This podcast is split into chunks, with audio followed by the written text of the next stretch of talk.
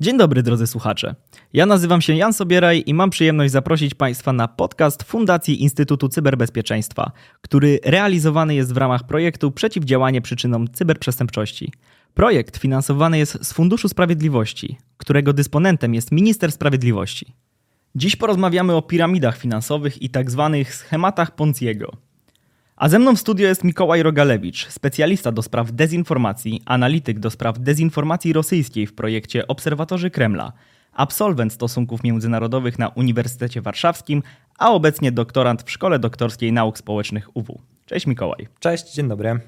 Mikołaj, dzisiejszym naszym tematem są piramidy finansowe, schematy Ponciego i właśnie od tego chciałbym wyjść, żebyśmy porozmawiali sobie o tym, na początek, co to, co to jest za zjawisko, na czym polega to oszustwo oraz ym, czym różnią się te, te, te, te dwa schematy, te, te, dwie, te dwa zagadnienia, o których dzisiaj rozmawiamy. Myślę, że na samym wstępie trzeba wyraźnie podkreślić, że schematy Ponziego i piramidy finansowe to nie jest to samo, choć często Mm, jest to mylone i często nawet w mediach schematy Ponziego nazywane są piramidami finansowymi, mm, albo dane zjawisko raz jest nazywane piramidą, raz schematem Ponziego, więc y, po prostu często, często te zjawiska y, nazywane są jako y, synonimy, Mm, e, często są też mylone, dlatego warto, warto podkreślić, że z czysto teoretycznego punktu widzenia e, schematy Ponziego nie są tym, czym piramidy finansowe, choć jest to zjawisko poniekąd e, podobne i założenia są również podobne, natomiast pewne różnice występują, więc może... To zacznijmy od piramidy finansowej, bo, bo wydaje mi się, że ta nazwa jakby szerzej funkcjonuje w takiej świadomości społecznej o piramidzie finansowej każdy na pewno coś słyszał, więc może zacznijmy sobie od zdefiniowania tego zjawiska. Ja osobiście powiem, że jak się przygotowywałem do tego odcinka i starałem się znaleźć trochę informacji na temat, zwłaszcza schematów Ponciego w internecie, no to też wrzucając frazę schematy Ponciego e, w wyszukiwarkę, no niewiele, w, pierwszy, w, pierwszym, w, pierwszym, w pierwszej chwili e, wszystkie linki przekierowują mnie raczej do, defini do definicji piramid finansowych, no ale tak jak tutaj zaznaczyłeś, występują te różnice, więc o tym sobie porozmawiamy, no ale tak jak mówię, najpierw poprosiłbym Cię o wyjście od tej piramidy finansowej. Jasne, a więc y, jeśli chodzi o piramidę finansową, to jest to schemat działania, w którym pieniądze są zbierane od nowo przyjętych osób i wykorzystywane do spłaty zobowiązań wobec wcześniejszych wierzycieli, E, co służy oczywiście zniwelowaniu ryzyka podejrzeń ze strony klientów o niewypłacalność instytucji czy też o nielegalność e, biznesu. Te same piramidy e, finansowe są nazywane tak oszustwami franczyzowymi czy też łańcuchami poleceń mm, i są one oszustwami inwestycyjnymi, ale także oszustwami marketingowymi, w których osobie fizycznej oferuje się dystrybucję mm, w celu wprowadzenia na rynek określonego E, produktu. No i prawdziwy zysk uzyskuje się nie ze sprzedaży jakiegoś produktu, ale ze sprzedaży nowych e, dystrybutorów. Czyli mamy tutaj do czynienia z firmą, która przyciąga inwestorów czy jakieś osoby fizyczne ofertą wysokich zysków, które są wypłacane właśnie pierwszym inwestorom mm, e, z wpłat otrzymanych od tych, którzy zainwestowali E, później. Czyli w piramidzie finansowej uczestnik w zamian za wpłacone pieniądze uzyskuje prawo do polecenia produktów albo usług firmy oraz bycia wynagradzanym za wpłaty od poleconych przez siebie nowych e, członków e, właśnie w tej piramidzie finansowej, natomiast wpłaty nie są związane ze sprzedażą do końcowych użytkowników produktów albo usług. Czyli mówiąc krótko, piramida finansowa polega na tym, że dana osoba zostaje zwerbowana właśnie do tego, e, do tego schematu. E, musi, żeby wejść do tego schematu, musi wprowadzić opłatę wstępną. I następnie, jeżeli zwerbuje kolejne osoby, które dadzą kolejną opłatę wstępną, to ona będzie z tego zarabiała. I to jest to, co odróżnia piramidę finansową od schematu Ponziego. Dlatego, Czyli osoba wchodząca w ten schemat, jej zysk jest uzależniony od y, tego, jak dużo pozyska nowych członków i od Dokładnie. tego, jak ci członkowie pozyskają kolejnych członków. Dokładnie, czyli y, osoba, która zwerbuje kolejnych nowych członków, uzyskuje wynagrodzenie za to, że ich zwerbowała, a jeżeli ci członkowie, których ona zwerbowała, zwerbują jeszcze kolejnych członków, to y, te zyski są dzielone pomiędzy właśnie tą y, osobę pierwszą i także pomiędzy te osoby, które ona zwerbowała. No i to jest to, co odróżnia tak naprawdę piramidę finansową od schematu Ponziego, dlatego że w przypadku schematu Ponziego nie mamy do czynienia z werbowaniem przez osoby wprowadzone do systemu kolejnych osób. W przypadku schematu Ponziego mamy jeden główny podmiot, E, który zazwyczaj przypomina działalność jakiegoś parabanku i oferuje, e, że jeżeli dana osoba zainwestuje jakąś kwotę, e, wpłaci do tego właśnie schematu Ponziego, to ten schemat dalej to będzie w jakiś sposób inwestował, lokował i będzie wypłacał zyski, zazwyczaj zyski oczywiście ponad przeciętne. Przy czym te pieniądze, które są wpłacane do schematu Ponziego, nie są inwestowane, a wypłaty do osób, e, które wpłaciły swoje pieniądze na początku, pochodzą z tego, że ten sam podmiot zwerbował kolejne osoby do tego, aby zapłaciły, e, żeby zainwestowały właśnie w dane przedsięwzięcie. No i tutaj e, ta kluczowa różnica właśnie polega na tym, że te osoby, które wpłacają pieniądze, no to nie werbują kolejnych osób w przypadku e, schematu Ponziego. Sama nazwa schematu Ponziego pochodzi od przedsięwzięcia Charlesa Ponziego z lat 20. E, ubiegłego wieku. Mm, założył on wówczas firmę Securities Exchange Company, która zajmowała się promowaniem programu międzynarodowych kuponów pocztowych, no i tam Ponzi oferował bardzo wysokie zyski, na przykład 50% zysków w 45 dni, czy 100% zysków w 90, 90 dni. Natomiast no, większość klientów oczywiście na tym straciła. Ponzi trafił do więzienia, natomiast on z tego więzienia wyszedł, zdaje się, po, y, po kilku latach. Y, tutaj w przypadku piramidy finansowej mamy także do czynienia z silnym przekazem marketingowym, takim promowaniem sukcesu, pokazywaniem tych liderów, którzy już osiągnęli sukces, pokazywaniem, że każdy może to zrobić, każdy może być taki jak oni że może osiągnąć wolność finansową, być mega bogatym, E, i tak dalej, więc ten przekaz marketingowy jest bardzo duży. I co więcej, osoby, które wchodzą do, tego, do takiej piramidy finansowej, którym się nie powiedzie, zazwyczaj e, na koniec obwiniają siebie, że to oni nie dali rady, nie byli w stanie pozyskać nowych, e, nowych właśnie osób, że za słabo, mieli za słabe umiejętności związane ze sprzedażą, nie umieli przekonywać i tak dalej. A w przypadku schematu Ponziego zazwyczaj obwiniany jest ten główny podmiot, że to on źle inwestował, znaczy źle inwestował. Oczywiście nie inwestował, ale E, mówił, że, że będzie inwestował. E, więc to są dwa takie e, podobne, ale trochę inne, trochę inne przedsięwzięcia. Czyli schemat Ponciego trochę się podszywa, przynajmniej te podmioty, które jakby funkcjonują w ten sposób, trochę może przypominać fundusz inwestycyjny, tak? No jakby inwestując pieniądze w fundusz też mamy też mamy takie mm, obostrzenie, że, że możemy, że, ten, że ofiarujemy pieniądze temu funduszowi, on będzie inwestował, no ale im wyższy procent, im wyższa stopa zwrotu, tym większe mamy to ryzyko, że możemy te pieniądze, te pieniądze stracić. No jak rozumiem, tutaj w przypadku tych podmiotów ta stopa zwrotu obiecywana jest bardzo wysoka, a skoro te pieniądze docelowo i tak nie, nie wracają do, do osób, które wpłaciły, no to trochę łatwiej jest może ukryć taką nielegalną działalność, no bo tego byśmy się po funduszu spodziewali, że mamy wysoką stopę zwrotu, ale no niekoniecznie nam się udało yy, yy, gdzieś faktycznie odzyskać te pieniądze czy coś zarobić. No, w odróżnieniu od piramidy finansowej, gdzie, gdzie tak jak powiedziałeś, yy, no, trochę nie, przy, nie przypomina to tak bardzo inwestowania samego w sobie, a bardziej jest to obarczone no, tym pozyskaniem nowych członków. Jak najbardziej. Znaczy tutaj słusznie zwrócić uwagę na to, że schemat Ponziego właśnie często może e, podszywać się pod fundusz inwestycyjny czy pod jakąś instytucję parabankową. No zresztą największy schemat Ponziego, czyli e, ten schemat Madoffa, Berniego Madoffa, nazywany zresztą bardzo często piramidą finansową, natomiast no, z czysto teoretycznego punktu widzenia to był schemat Ponziego.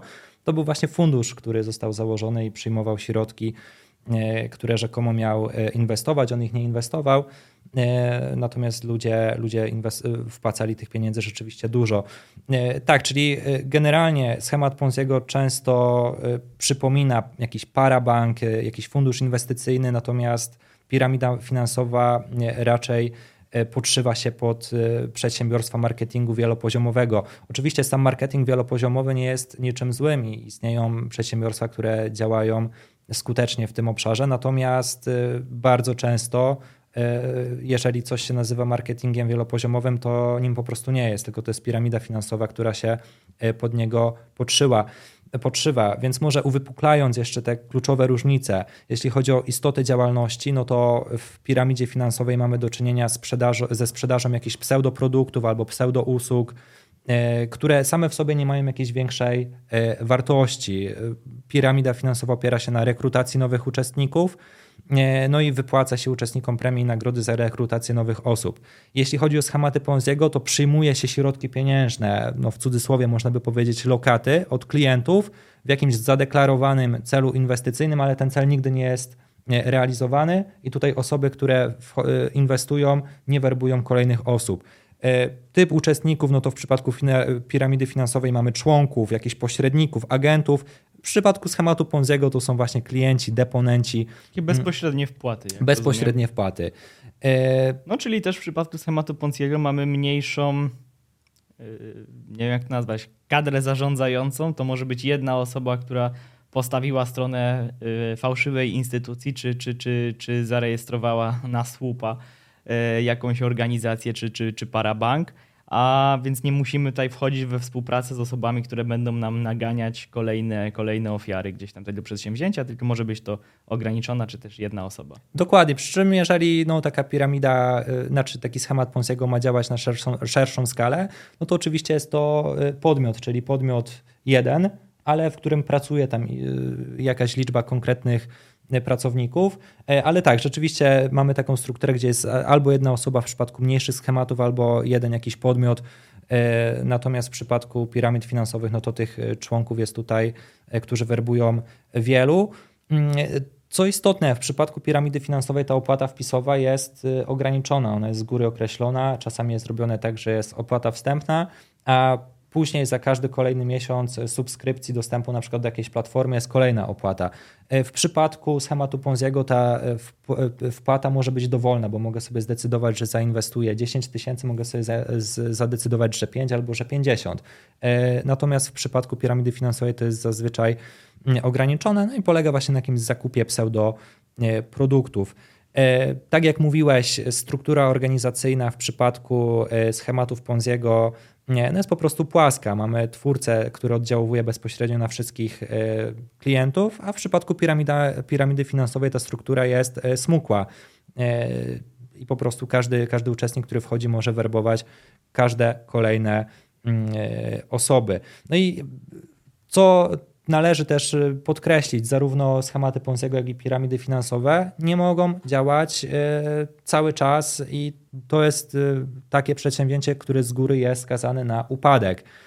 W przypadku w przypadku piramidy finansowej, no to tutaj przyczyną upadku jest po prostu ustanie rekrutacji jeżeli nie zwerbujemy kolejnych osób albo tych osób będzie coraz mniej, no to ta piramida upada i ona musi upaść, bo liczba osób jest po prostu e, na świecie generalnie ograniczona, a liczba osób, która będzie chciała do tego dołączyć, no to już w ogóle, bo e, część osób jest po prostu też świadoma tego.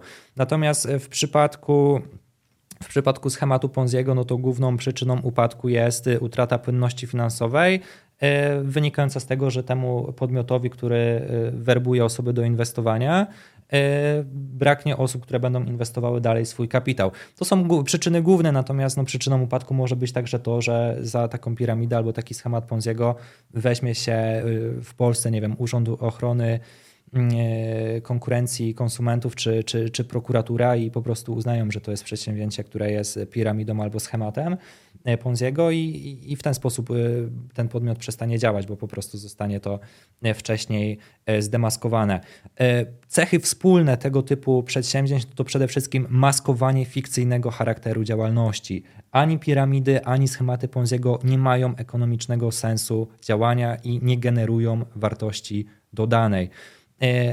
Cechą wspólną jest także to, że w przypadku, zarówno w przypadku piramid, jak i w przypadku schematów Ponziego, inwestorzy są wprowadzani w błąd. Zarówno to, jak i to jest e, oszustwem, jest to przestępstwem e, e, uznawanym za nieuczciwą praktykę rynkową.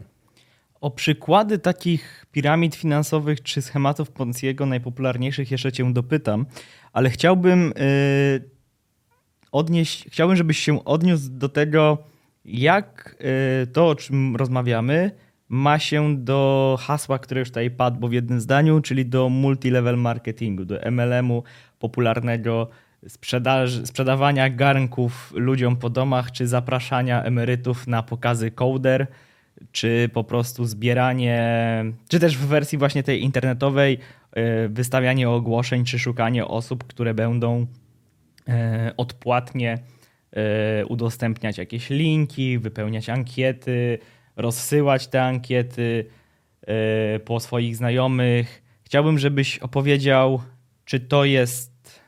Gdzie tutaj są punkty e, styczne multilevel marketingu z, z, z tymi oszustwami, o których rozmawiamy? Czym to się różni? I jakbyś mógł też pokrótce zacząć od tego, czym MLM jest i yy, czy z założenia MLM jest zjawiskiem jakby niepożądanym, czy jest zjawiskiem nieuczciwym, czy po prostu bazuje na pewnej naiwności, no ale nie jest nielegalny. E, sam marketing wielopoziomowy e, oczywiście nie jest nielegalny, jest to jak najbardziej e, działalność, która jest legalna. Nie jest to także działalność w żaden sposób szkodliwa. Natomiast y, szkodliwe jest to, że często. No, przepraszam, ktoś... nie zgodzę się, że nie jest w żaden sposób, ale y, to, to może potem przedstawię. To możemy. Wizję. Y, jasne. Natomiast sam marketing wielopoziomowy jest wykorzystywany przez różne przedsiębiorstwa mm, i on w niektórych przypadkach działa skutecznie, ale może nie podkreślmy, czym sam ten marketing wielopoziomowy właśnie jest. No to jest to strategia marketingowa, która polega na budowaniu przez sprzedawców własnej sieci współpracowników. No i zysk w przypadku tego MLM-u jest generowany ze sprzedaży dóbr i usług e, i jest on dzielony na sprzedawców i jego zwierzchników. Przy czym, co jest kluczowe, strategia ta wykorzystywana jest do sprzedaży prawdziwych dóbr i usług. W legalnym e, MLM-ie nie ma opłaty e, wejściowej, czyli żeby wejść do tego systemu, nie trzeba wprowadzić opłaty jakiejś wstępnej, wpisowej. No właśnie w przypadku piramid finansowych zysk pochodzi głównie z wkładu o charakterze opłaty e, wpisowej, natomiast obrót pieniężny jest oderwany od towarów, czyli w przypadku piramidy finansowej e, to ta usługa albo towary, które są e, oferowane, mają tylko charakter uboczny, pozorny. One mają na celu maskowanie tej prawdziwej działalności, którą jest werbowanie osób i zarabianie na wpłatach. W przypadku marketingu wielopoziomowego mamy przedsiębiorstwo, które ma własne produkty i usługi i zarabia głównie na sprzedaży tychże produktów E, i e, usług. E, jeśli chodzi o źródła dochodów uczestników, no to przede wszystkim właśnie to legalnie działające przedsiębiorstwo typu MLM powinno sprzedawać produkty i usługi odpowiedniej jakości po rynkowej cenie. W przypadku piramid finansowych są to towary albo usługi jakości słabej, wątpliwej, które nie, nie wnoszą po prostu jakiejś szczególnej wartości. E, w MLM-ie powinno się dążyć do zwiększania udziałów rynkowych, e, natomiast e, znaczy osoby, które mają wchodzić właśnie do tego MLM-u, to celem tego jest, żeby zwiększyło się udziały rynkowe zwiększyła się sprzedaż, a nie zwiększyły się opłaty wpisowe, bo tych opłat wpisowych po prostu te osoby nie wprowadzają.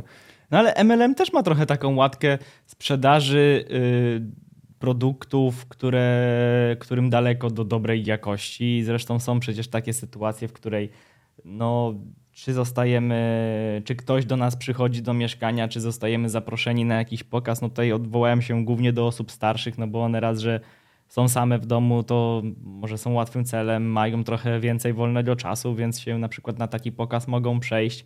I tam też przylgnęła taka łatka, że no te kołdry, czy te garnki, że się kupuje, czy te odkurzacze za wiele, wiele, za wielokrotnie zawyżoną wartość, a z ich jakością bywa różnie. A w przypadku, jeżeli ktoś, nie wiem, podpisał umowę, okazało się, że kupił zestaw kołder za 10 tysięcy złotych, nie jest w stanie tego spłacić, no to jestem w stanie sobie tutaj wyobrazić sytuację, w której ktoś, ok, nie musi tego spłacać, pod warunkiem, że znajdzie osobę, która od niego to odkupi, albo osobę, która, albo na przykład, nie wiem, dwie kolejne osoby, które przyjdą na kolejny pokaz. Niekoniecznie, że one to kupią, ale po prostu będzie takim naganiaczem na takie wydarzenia. Więc e, wydaje mi się, że MLM wcale nie ma specjalnie pozytywnego obrazu i zresztą bardzo dobrze. A w takiej wersji, mm, która mogłaby się z MLM-em nie kojarzyć, ale chyba nosi jego znajomia, zna, znamiona, no to moje myśli biegną w stronę y, telewizji Mango i sprzedaży produktów w, na, w tamtym programie, gdzie prowadzący mm, za każdym razem pokazują jakiś cudowny produkt, który właściwie rozwiąże wszystkie Twoje problemy. I jego cena zazwyczaj jest wielokrotnie wyższa, ale tylko dziś, jeżeli zadzwonisz w ciągu następnych pięciu minut, to dostaniesz nie jeden, nie dwa, a aż trzy egzemplarze naszego super produktu. No i niejednokrotnie się okazuje, że ten produkt albo przyjeżdża niekompletny, albo przyjeżdża. Mm, o ile w ogóle przyjeżdża, bo tak też się może zdarzyć, że on się w ogóle nie pojawia.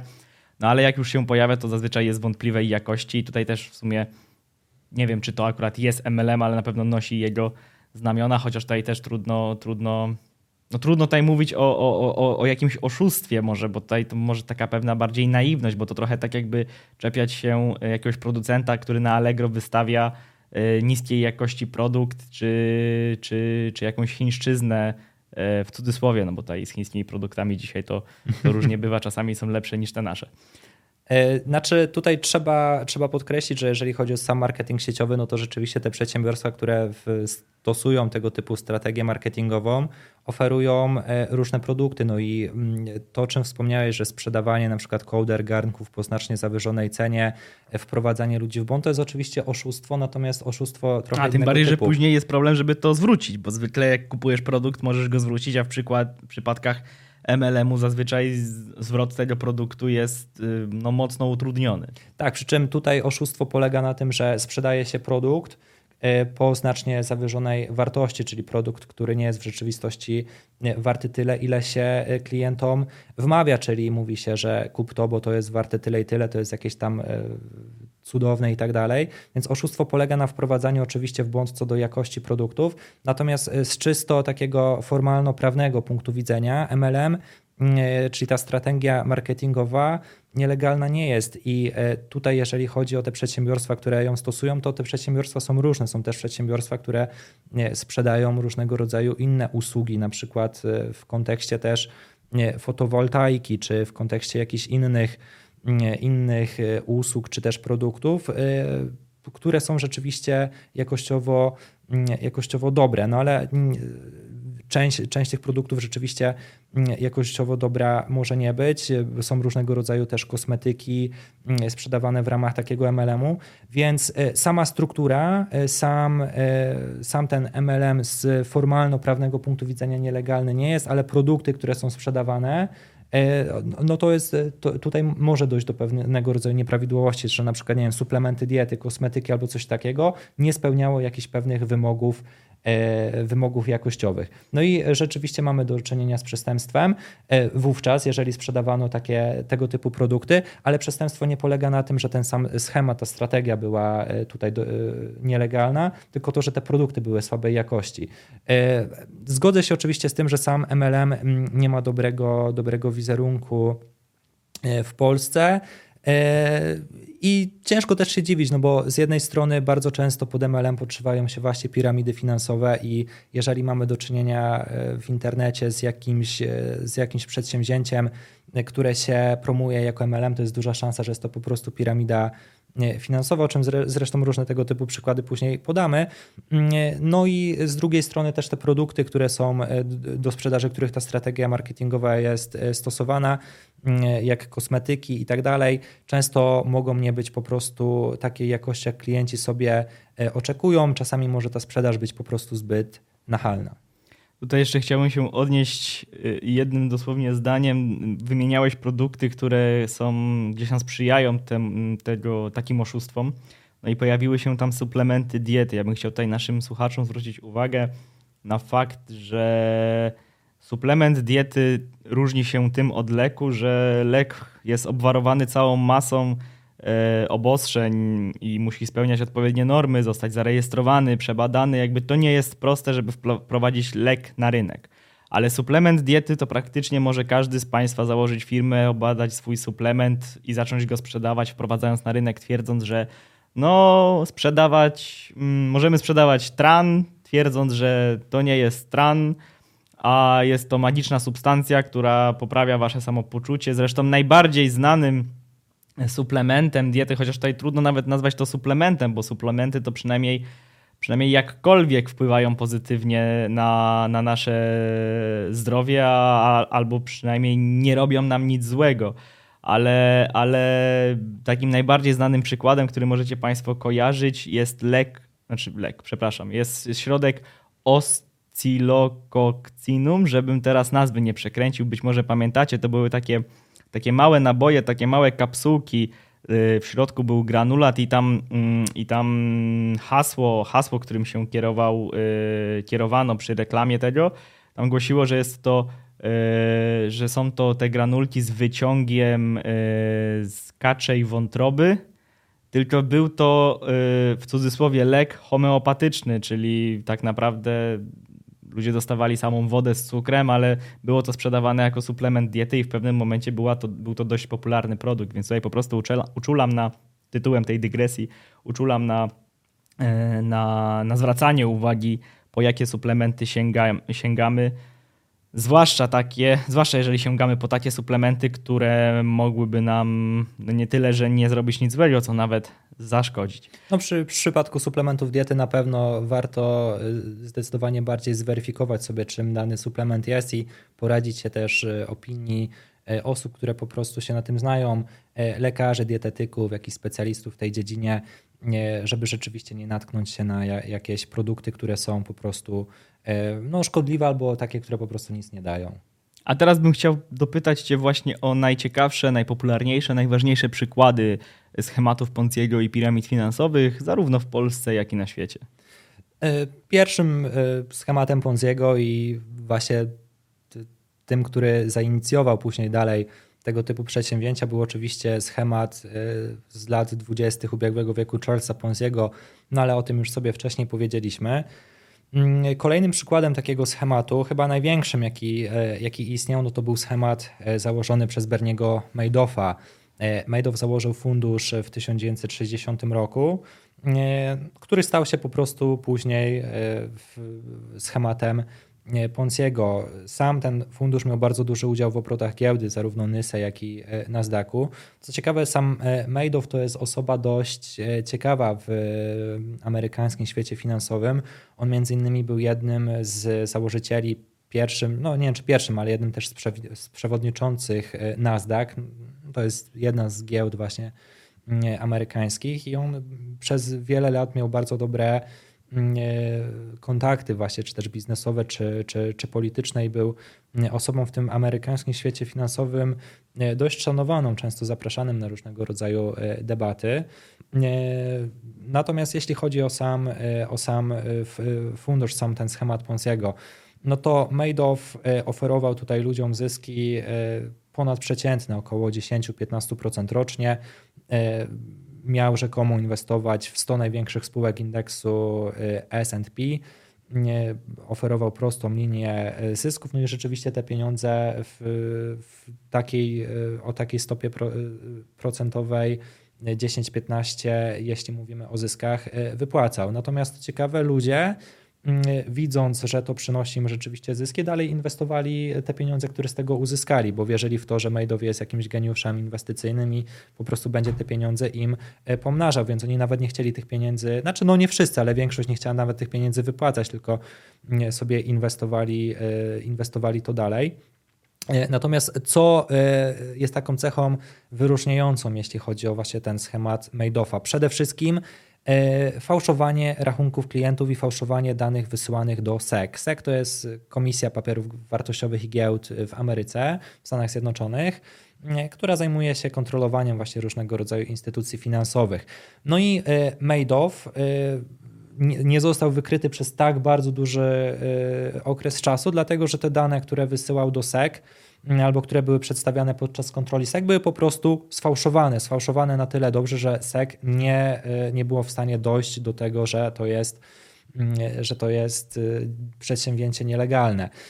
Po drugie, bo SEC prowadził generalnie bardzo liczne kontrole, ale one nie przynosiły większego rezultatu. Ba, co więcej, jeżeli taka kontrola SEC nie przyniosła rezultatu i nie wykazała nieprawidłowości, to mieliśmy do czynienia z efektem wzmocnienia reputacji, czyli jeżeli SEC nie wykazało niepra nieprawidłowości, to znaczy, że Madoff działa zgodnie z prawem. Taki był tego wydźwięk, prawda? E, no i po drugie, klienci nie mieli elektronicznego dostępu do rachunków, czyli jeżeli klient chciał dowiedzieć się, w jaki sposób te jego pieniądze są dalej inwestowane, jak to e, wszystko przebiega, to musiał wysyłać zapytanie do funduszu e, Madoffa i fundusz odpowiadał mu albo na papierze, albo mailowo, oczywiście przesyłając dane sfałszowane. Więc klienci realnie nie mogli kontrolować tego, w jaki sposób te pieniądze ich były dalej zarządzane. No i ten fundusz działał sprawnie przez wiele lat, natomiast w 2008 roku przyszedł kryzys finansowy w Stanach Zjednoczonych, który doprowadził do tego, że klienci zaczęli, e, chcieli masowych wypłat. Ponadto oczywiście giełda poszła w dół, no więc e, choć oni nie wiedzieli, w co te pieniądze ich konkretnie były mm, inwestowane, no to mogli... To e, spodziewali się, że i tak że i tak, właśnie tracą. Tak. No i problem, e, problem e, zaczął oczywiście narastać, no i Madoff ostatecznie się przyznał, chyba, chyba wówczas swoim synom, e, że całe to przedsięwzięcie to jest tak naprawdę jedno wielkie oszustwo, że to jest schemat Ponziego. No i oni zgłosili tą sprawę do SEC, no i do biura, do biura Madoffa weszło FBI, no i później już mieliśmy całą, całą sprawę. E, w 2009 roku Madoff został skazany na 150 lat więzienia. E, poszkodowanych było wiele osób, łącznie na kwotę ponad 65 miliardów dolarów, z czego odzyskano może tylko 1 miliard dolarów, więc jest to jedno z największych oszustw finansowych w historii. Natomiast sam Madoff z więzienia nie wyszedł, zmarł w więzieniu.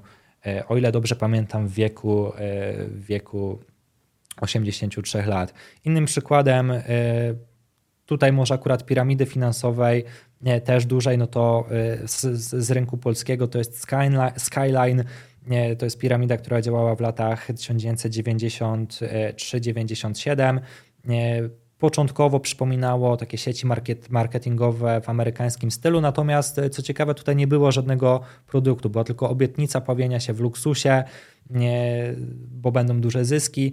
Nie, no i e, tutaj, żeby dostać się do tego systemu, trzeba było wyłożyć na początek 30 zł, było się zaproszonym na spotkanie, przedstawiano na czym całe to przedsięwzięcie polega, no i osoby, które werbowały kolejne osoby uzyskiwały z tego z tego wpłaty.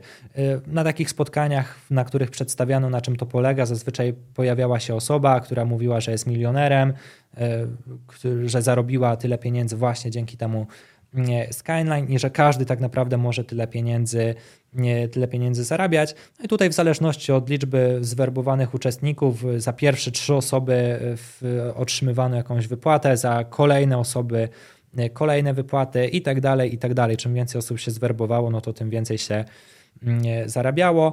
E, przy czym, co, tutaj warto podkreślić, te osoby, które są pierwsze, które są na szczycie tej piramidy finansowej, oczywiście jakieś te pieniądze nie zarobią, natomiast zdecydowana większość osób, które są niżej w tej piramidzie, które wchodzą, e, tracą. Większość osób na piramidach finansowych traci. Kolejny przykład, no to jest oczywiście Amber Gold w Polsce. E, rok 2009 e, Marcin P. zakłada tak zwany dom składowy, e, lokaty na jeden, od 1 do 60 miesięcy dla klientów detalicznych, minimalna kwota, kwota 1000 zł. No i gwarantował, że on będzie inwestował te pieniądze dalej w złoto, srebro, platynę. Gwarantował zyski od 6 do nawet ponad 15 procent. Tutaj grupa docelowa no, to były osoby słabo zorientowane w rynku finansowym, emeryci, renciści albo osoby, które szybko e, oczekiwały jakiejś wysokiej stopy e, zwrotu. Już w grudniu 2009 roku KNF wpisało e, Amber Gold na listę ostrzeżeń publicznych, natomiast UOKiK postępowanie dopiero wszczął w październiku 2011 roku. No i ostatecznie samo Amber Gold upada w roku 2011 12. Tutaj popełniono wiele błędów ze strony prokuratury e, czy też KNF-u, e, sądów, które nie działały wystarczająco szybko. E, łączne straty to jest około 851 milionów złotych, ponad 18 tysięcy klientów spółki zostało poszkodowanych. Sam Marcin P. i jego żona Katarzyna P. zostali skazani zdaje się w roku 2019, proces ruszył chyba w 2016. Później była apelacja, no i po apelacji 15 lat więzienia dla Marcina P, 11,5 roku dla Katarzyny P. Tutaj oskarżenia były no z jednej strony właśnie o to, że była to, znaczy z czysto teoretycznego punktu widzenia schemat Ponsiego, natomiast nazywany jest takiej przestrzeni publicznej piramidą finansową, no i, e, ale także o pranie brudnych pieniędzy, no i przede wszystkim e, o to, że sprawiali, że ludzie zarządzali swoim e, kapitałem w sposób niekorzystny, że mieliśmy do czynienia z oszustwem. No to są takie przykłady największych piramid finansowych, czy też schematów Ponziego, które, które istniały, natomiast no, sam sam temat jest aktualny, powstaje wiele y, różnego rodzaju mniejszych tego typu przedsięwzięć, także w Polsce i wydaje mi się, że ten temat będzie się rozwijał i takich przedsięwzięć będzie się pojawiało więcej, no bo obecnie ze względu na rozwój nowych technologii, możliwości inwestycyjnych, po prostu możliwości oszukiwania też się zwiększają. Dzięki za te przykłady. Faktycznie no, dość głośne sprawy, o których się słyszało. A miałbyś jeszcze kilka takich najbardziej współczesnych albo z jakichś takich może nieoczywistych branż, przykładów? E, tak, oczywiście. No myślę, że tutaj warto, warto powiedzieć takich trochę mniejszych przedsięwzięciach, bardziej współczesnych. Mm, natomiast pokazać, jak te podmioty działały, żeby też e, bardziej uwrażliwiać ludzi na to, w jaki sposób taki podmiot może po prostu działać, bo tak jak już mówiłem, no według mnie to jest temat, który niestety może, może stanowić coraz, coraz większe zagrożenie. No to jeden z takich bardziej powiedzmy współczesnych przykładów są oczywiście platformy FutureNet, FutureEd Pro i NetLeaders. Samo to FutureNet to był taki portal społecznościowy, dzięki któremu każdy użytkownik mógł czerpać zyski ze sprzedawanych na nim reklam, no przynajmniej tak się reklamował. No i portal płacił za takie banalne czynności, jak na przykład lajkowanie czegoś tam, dodawanie postów, komentowanie, oglądanie reklam. No i portale te wypłacały, portale te wypłacały, ten właśnie FutureNet, FutureNet Pro, NetLeaders wypłacały zyski za wprowadzenie nowych osób do tego systemu. Oczywiście każda nowa osoba, aby dołączyć do systemu, musiała wpłacić opłatę wstępną, czyli schemat działalności był bardzo prosty. Wpłacasz opłatę wstępną, E, możesz e, lajkować, komentować, e, oglądać reklamy i na tym zarabiać, przy czym zarabiało się na tym bardzo niewiele, także realnie to się nie opłacało. Ale jeżeli do tego systemu wprowadzisz kolejne osoby, to będziesz otrzymywał za wprowadzenie kolejnych osób dodatkowe wypłaty, już zdecydowanie wyższe, już takie wypłaty, na których mogło się zarabiać. Czyli generalnie sama, sama idea tej piramidy finansowej opierała się właśnie o tym, że niby mamy tam jakąś pozorną działalność polegającą na reklamach, ale głównie chodziło o to, żeby wprowadzać konkretne osoby. E, samą platformą Walking zainteresował się już w 2017 roku, wszczął wobec niej postępowanie. 2019 rok to jest już wydanie oficjalnego ostrzeżenia E, nazywając je piramidami finansowymi. No i w 2021 roku Łokik wydaje decyzję, w której uznał właśnie FutureNet i FutureNet Pro za piramidę finansową, nawoływał jej twórców do tego, aby zaprzestali naruszania zbiorowego interesu e, konsumentów. E, ukarano także influencerów, którzy promowali tego typu, tego typu właśnie piramidę. Tutaj te kary były dość mocne. Tam jeden z takich influencerów dostał chyba 40, 440 tysięcy złotych kary, inny 140 tysięcy złotych kary, no bo prezes Łokik ma, może nałożyć grzywnę na, na, na zapromowanie tego typu E, systemów. E, osoby ukarane przez prezesa Łokiego odwołały się do sądu, ale przegrały w sądzie i e, sąd przyznał rację prezesowi Łokik. Co więcej, sam twórca FutureNet w 2022 roku, rok temu, został aresztowany i postawione mu zostały różne zarzuty, no między innymi właśnie tworzenia tej piramidy finansowej, ale nie tylko, tam temat był jeszcze bardziej, bardziej rozszerzony. Inny przykład, to akurat nie polski, ale też dość ciekawe, bo o tym mówiliśmy, czyli te suplementy diety, to akurat e, przedsięwzięcie Wemma Nutrition e, z 2015 roku. E, no i ona sprzedawała rzekome suplementy diety w formule MLM, czyli podszywała się pod ten marketing sieciowy i oferowała sprzedaż suplementów diety, przy czym no tutaj głównie presja była na to, aby rekrutować nowe osoby, w szczególności nastolatków, studentów, bardzo nachalny marketing nierealnych korzyści. Osobom oferowano złote góry, za rekrutację kolejnych sprzedawców i sprzedaż asortymentu spółki. Natomiast no, te osoby wchodziły do tego systemu, pobierały te suplementy diety, które miały niby sprzedawać, no, ale w rzeczywistości chodziło o to, aby rekrutować, rekrutować kolejne osoby. No i, i to też właśnie okazało się piramidą finansową.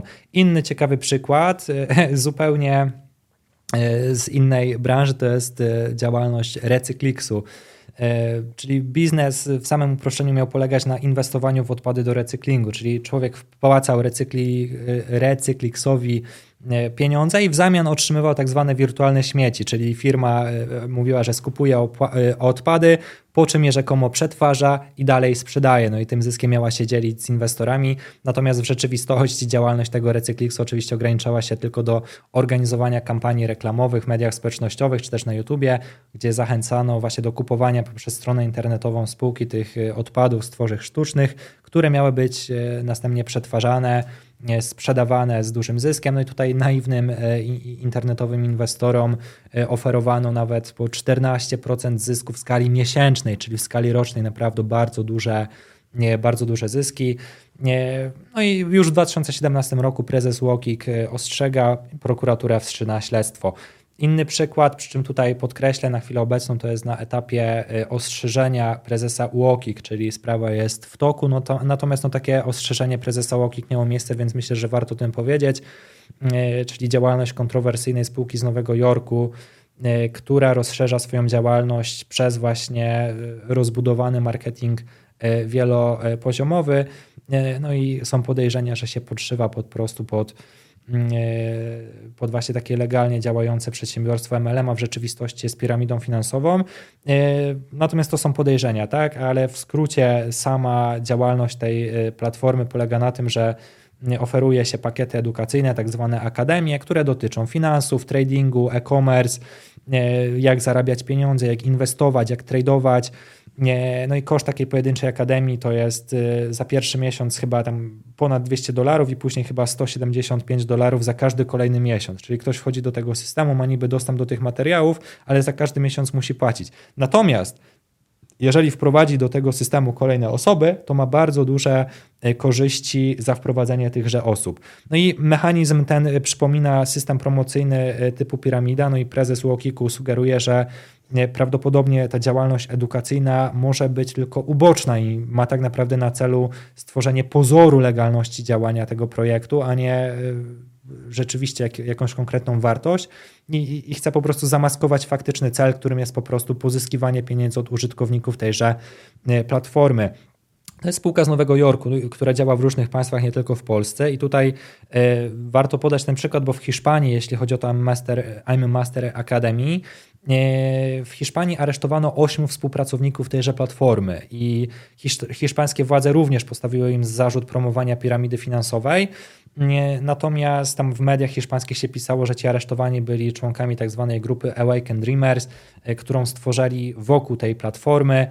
E, no i oni werbowali właśnie kolejne osoby do, do, do dołączania do tego e, systemu. No i myślę, że w kontekście właśnie, znaczy to, to tak jeszcze raz podkreślę, to jest w Polsce na etapie na razie ostrzeżenia prezesa Łokik, ale myślę, że właśnie te kwestie związane z inwestowaniem, tradingiem, nowymi technologiami, kryptowalutami i tak dalej, i tak dalej mają duży potencjał do tego, aby tworzyć różnego rodzaju takie przedsięwzięcia, które po prostu są piramidami finansowymi albo schematami Ponziego, zależy jaki schemat e, sobie dane przedsięwzięcie przybierze.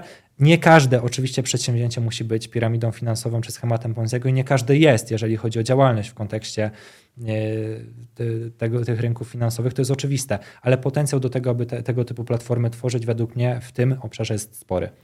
No to zasypałeś mnie tutaj całą masą jakościowych przykładów, ale przez wzgląd na dyscyplinę czasową, zmierzając już ku końcowi, chciałbym Cię teraz dopytać o to, na co zwrócić uwagę i jak się chroni przed tego rodzaju oszustwami oraz co zrobić, jeżeli podejrzewamy, że podmiot, na który trafiliśmy, jest y, piramidą finansową albo schematem Ponziego? Przede wszystkim, jeżeli mamy y, do czynienia z jakimś takim podmiotem i nie, nie wiemy dokładnie, czym on się zajmuje, czy to jest jakiś wiarygodny podmiot, czy też nie, warto sprawdzić sobie ostrzeżenia konsumenckie UOKiK i listę ostrzeżeń publicznych KNF-u. To są takie ostrzeżenia, które są wydawane albo właśnie przez KNF, albo przez UOKiK. Jeżeli dany podmiot prowadzi działalność e, podejrzaną, którego albo UOKiK, albo KNF o coś, o coś oskarża, o coś podejrzewa. Jeżeli taki podmiot znajduje się na takiej liście ostrzeżeń konsumenckich UOKiK albo e, KNF, albo liście ostrzeżeń publicznych KNF-u, no to warto, warto na niego uważać. Oczywiście nie każdy podmiot, który się tam znajdzie, e, będzie prowadził jakąś działalność, która jest oszukańcza, bo może być później proces i się okaże, że w rzeczywistości, w rzeczywistości ta działalność była e, legalna. Natomiast no, wydaje mi się, że jednak dużo podmiotów, którym e, UOKiK albo KNF zwraca uwagę, no to mogą być jednak podmioty, które rzeczywiście nie do końca działają w sposób legalny i e, jeżeli coś jest na takiej liście, no to warto z pewnym dystansem do tego podchodzić i tutaj już się czerwona lampka powinna zapalić. Jeśli chodzi jeszcze o właśnie piramidy finansowe czy schematy Ponziego, no to mm, zwracajmy uwagę na to, że mm, tego typu przedsięwzięcia zawsze będą oferowały jakiś e, wielokrotny zwrot z inwestycji, jakieś bardzo trudne do osiągnięcia w rzeczywistości stropy zwrotu, wysokie. Tego typu schematy e, charakterystyczne dla nich jest to, że promują właśnie wolność finansową, e, kreowanie biznesu, zarabianie e, bardzo łatwych, dużych pieniędzy w prosty sposób przez internet, promowanie takiego człowieka sukcesu, życia takiego bogatego, wrzucanie takich na siłę wręcz nachalnych materiałów promocyjnych właśnie z pieniędzmi, z jakimś takim bogactwem. No to wszystko, kreowanie takiej całej atmosfery, takiego bogactwa E, sukcesu, e, wręcz przesadnego, no to już samo w sobie może e, sugerować nam, że coś tutaj jest, coś tutaj jest nie tak. Natomiast co zrobić, jeżeli podejrzewamy, że dany podmiot jest schematem Ponziego? No przede wszystkim możemy zgłosić to do UOKiK i UOKiK oferuje tutaj różne rodzaje zgłoszenia. Przede wszystkim możemy to zgłosić anonimowo przez formularz na stronie UOKiK-u, czyli anonimowo wysyłamy formularzem na stronie UOKiK-u i w ten sposób zgłaszamy, że podejrzewamy, że to jest działalność e, no nie do końca legalna i UOKiK może to dalej zbadać. Można też do UOKiK-u zadzwonić albo napisać maila i co ciekawe, jeżeli jest się członkiem różnych nielegalnych działań, które naruszają e, konkurencję, to można zgłosić się do OKiK-u w specjalnej e, formie, złożyć specjalny wniosek i wtedy, będąc członkiem takiego, takiego przedsięwzięcia, można dostać złagodzenie kary, jeżeli się o tym doniesie. To jest jeszcze inna specjalna formuła. No i oczywiście ostrzegać e, znajomych, ostrzegać czy też na forach internetowych e, można napisać, że dana działalność jest po prostu, e, po prostu podejrzana. Jeżeli mamy do czynienia z jakimiś innymi instytucjami, można też zgłaszać do KNF-u, po prostu w jakiś sposób o tym informować. No ale głównie no to tutaj właśnie UOKiK jest tego typu, tego typu urzędem. Natomiast jeżeli padniemy ofiarą stracimy pieniądze, ktoś nas naradził na tego typu e, oszustwa, no to można zgłosić sprawę na policję, na prokuraturę albo po prostu pozwać, e, pozwać daną osobę e, do sądu o to, że naraziła nas na szkody, nie, na szkody finansowe. Nie, no właśnie, bo może na koniec jeszcze kilka słów o tym, co grozi za tworzenie i promowanie schematów Ponziego. No to przede wszystkim tutaj dwie kluczowe regulacje prawne, no to jest ustawa o zwalczaniu nieuczciwej konkurencji, i e, ustawa o przeciwdziałaniu nieuczciwym praktykom rynkowym. Ta pierwsza no to była ustawa z 1993 roku, starsza, która stanowiła, że czynem nieuczciwej konkurencji jest działanie sprzeczne z prawem lub dobrymi obyczajami, jeżeli zagraża lub narusza interes innego przedsiębiorcy lub klienta. Natomiast 2007 rok no to jest ta właśnie kolejna ustawa, e, i ona tutaj właśnie też jest o różnych nieuczciwych praktykach rynkowych i ona stanowi, że zakładanie, prowadzenie albo propagowanie systemów promocyjnych typu piramida w ramach których konsument wykonuje świadczenie w zamian za możliwość otrzymania korzyści materialnych, które są uzależnione głównie od wprowadzenia innych konsumentów e, do systemu, a nie e, od sprzedaży lub konsumpcji produktów, że jest to po prostu nieuczciwa praktyka rynkowa. No i kto stosuje taką agresywną praktykę rynkową, podlega karze grzywny. E, ale jeśli chodzi o oszustwa finansowe, no to także kodeks karny, popularny artykuł 286, czyli kara więzienia od 6 miesięcy do 8 lat więzienia. Za osiąganie korzyści majątkowej w wyniku doprowadzenia innej osoby do niekorzystnego rozporządzenia własnym albo cudzym mnieniem e, poprzez wprowadzenie po prostu tejże osoby w błąd. Czyli z jednej strony mamy odpowiedzialność karną takich osób, z drugiej strony e, mamy też nadzór prezesa UOKiK, który może nałożyć karę grzywny, jeżeli dochodzi po prostu do nieuczciwych praktyk rynkowych, a zakładanie czy też promowanie piramid finansowych za nieuczciwe praktyki rynkowe jest uważane. A co z osobami, które uczestniczyły w piramidzie finansowej, ale nie organizowały jej struktur, w sensie jakby to nie był ich pomysł, one tego nie zakładały, no zostały złowione jako ta osoba, któraś z kolei, która wchodzi do takiej piramidy, e, no i bierze udział w tym procesie, ale no nie było to jej intencją, żeby kogoś faktycznie tutaj oszukać czy na kimś zarobić. E, no ale już się znalazła w takim procesie i, i, i, czy jej dotyka jakaś odpowiedzialność prawna, czy to jest, czy, czy jedyna konsekwencja no to jest taka, że po prostu ta osoba już ma wystarczającą karę, bo i tak straciła w pewien sposób swoje, swoje pieniądze, które włożyła do tej piramidy.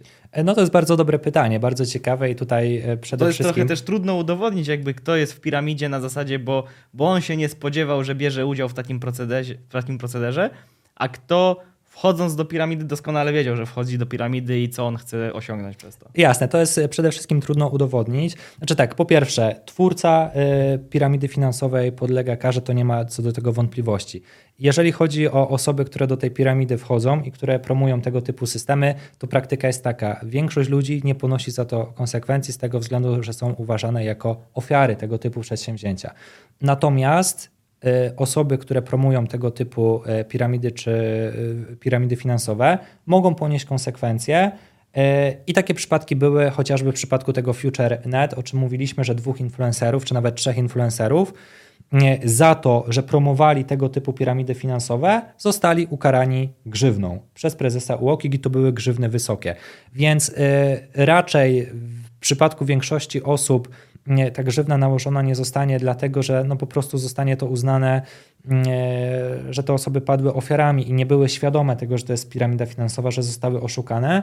Natomiast e, w przypadku osób, które były no powiedzmy gdzieś tam na samym szczycie tej piramidy, które zaczynały wprowadzać tą piramidę, które osiągały naprawdę bardzo duże zyski z działalności tej piramidy, które promowały ją i które można udowodnić, że rzeczywiście e, no, wprowadzały ludzi w błąd, no to wtedy taka kara grzywny nałożona oczywiście być może. Takie przykłady ukarania tego typu osób były i prawdopodobnie będą. E, natomiast to się tyczy raczej tych osób na szczycie piramidy. Jeżeli mamy jakiegoś, e, jakąś osobę taką fizyczną, która wchodzi do piramidy, nie, nie osiąga z tego dużych zysków albo sama na tym traci, to ona konsekwencji e, nie poniesie. Raczej takie osoby są używane za ofiary. Ale podsumowując, tak, za promowanie może być kara, Natomiast te kary, jeżeli są nakładane, to raczej są nakładane na osoby na szczycie tejże piramidy.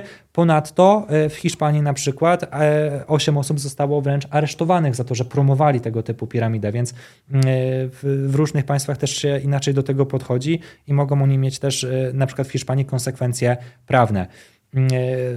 Więc raczej większość osób e, będzie ofiarą tego typu piramidy i nie poniesie konsekwencji, ale część osób konsekwencje e, poniesie, które ją promują. Oczywiście co do tego, że twórca tej piramidy ponosi, ponosi konsekwencje, wątpliwości nie ma.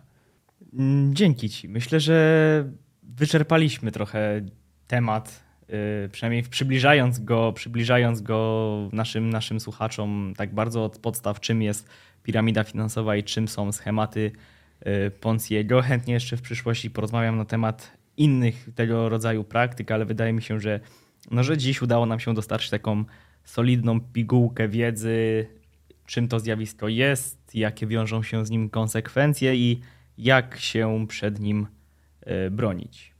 Ja zatem Ci bardzo dziękuję za dzisiejszy odcinek. Dziękuję a, serdecznie. A Państwa zapraszam do odsłuchiwania kolejnych materiałów, które już niedługo. Dzisiejszy odcinek podcastu dla Fundacji Instytutu Cyberbezpieczeństwa został zrealizowany w ramach projektu Przeciwdziałanie przyczyn cyberprzestępczości. Projekt finansowany jest z Funduszu Sprawiedliwości, którego dysponentem jest Minister Sprawiedliwości.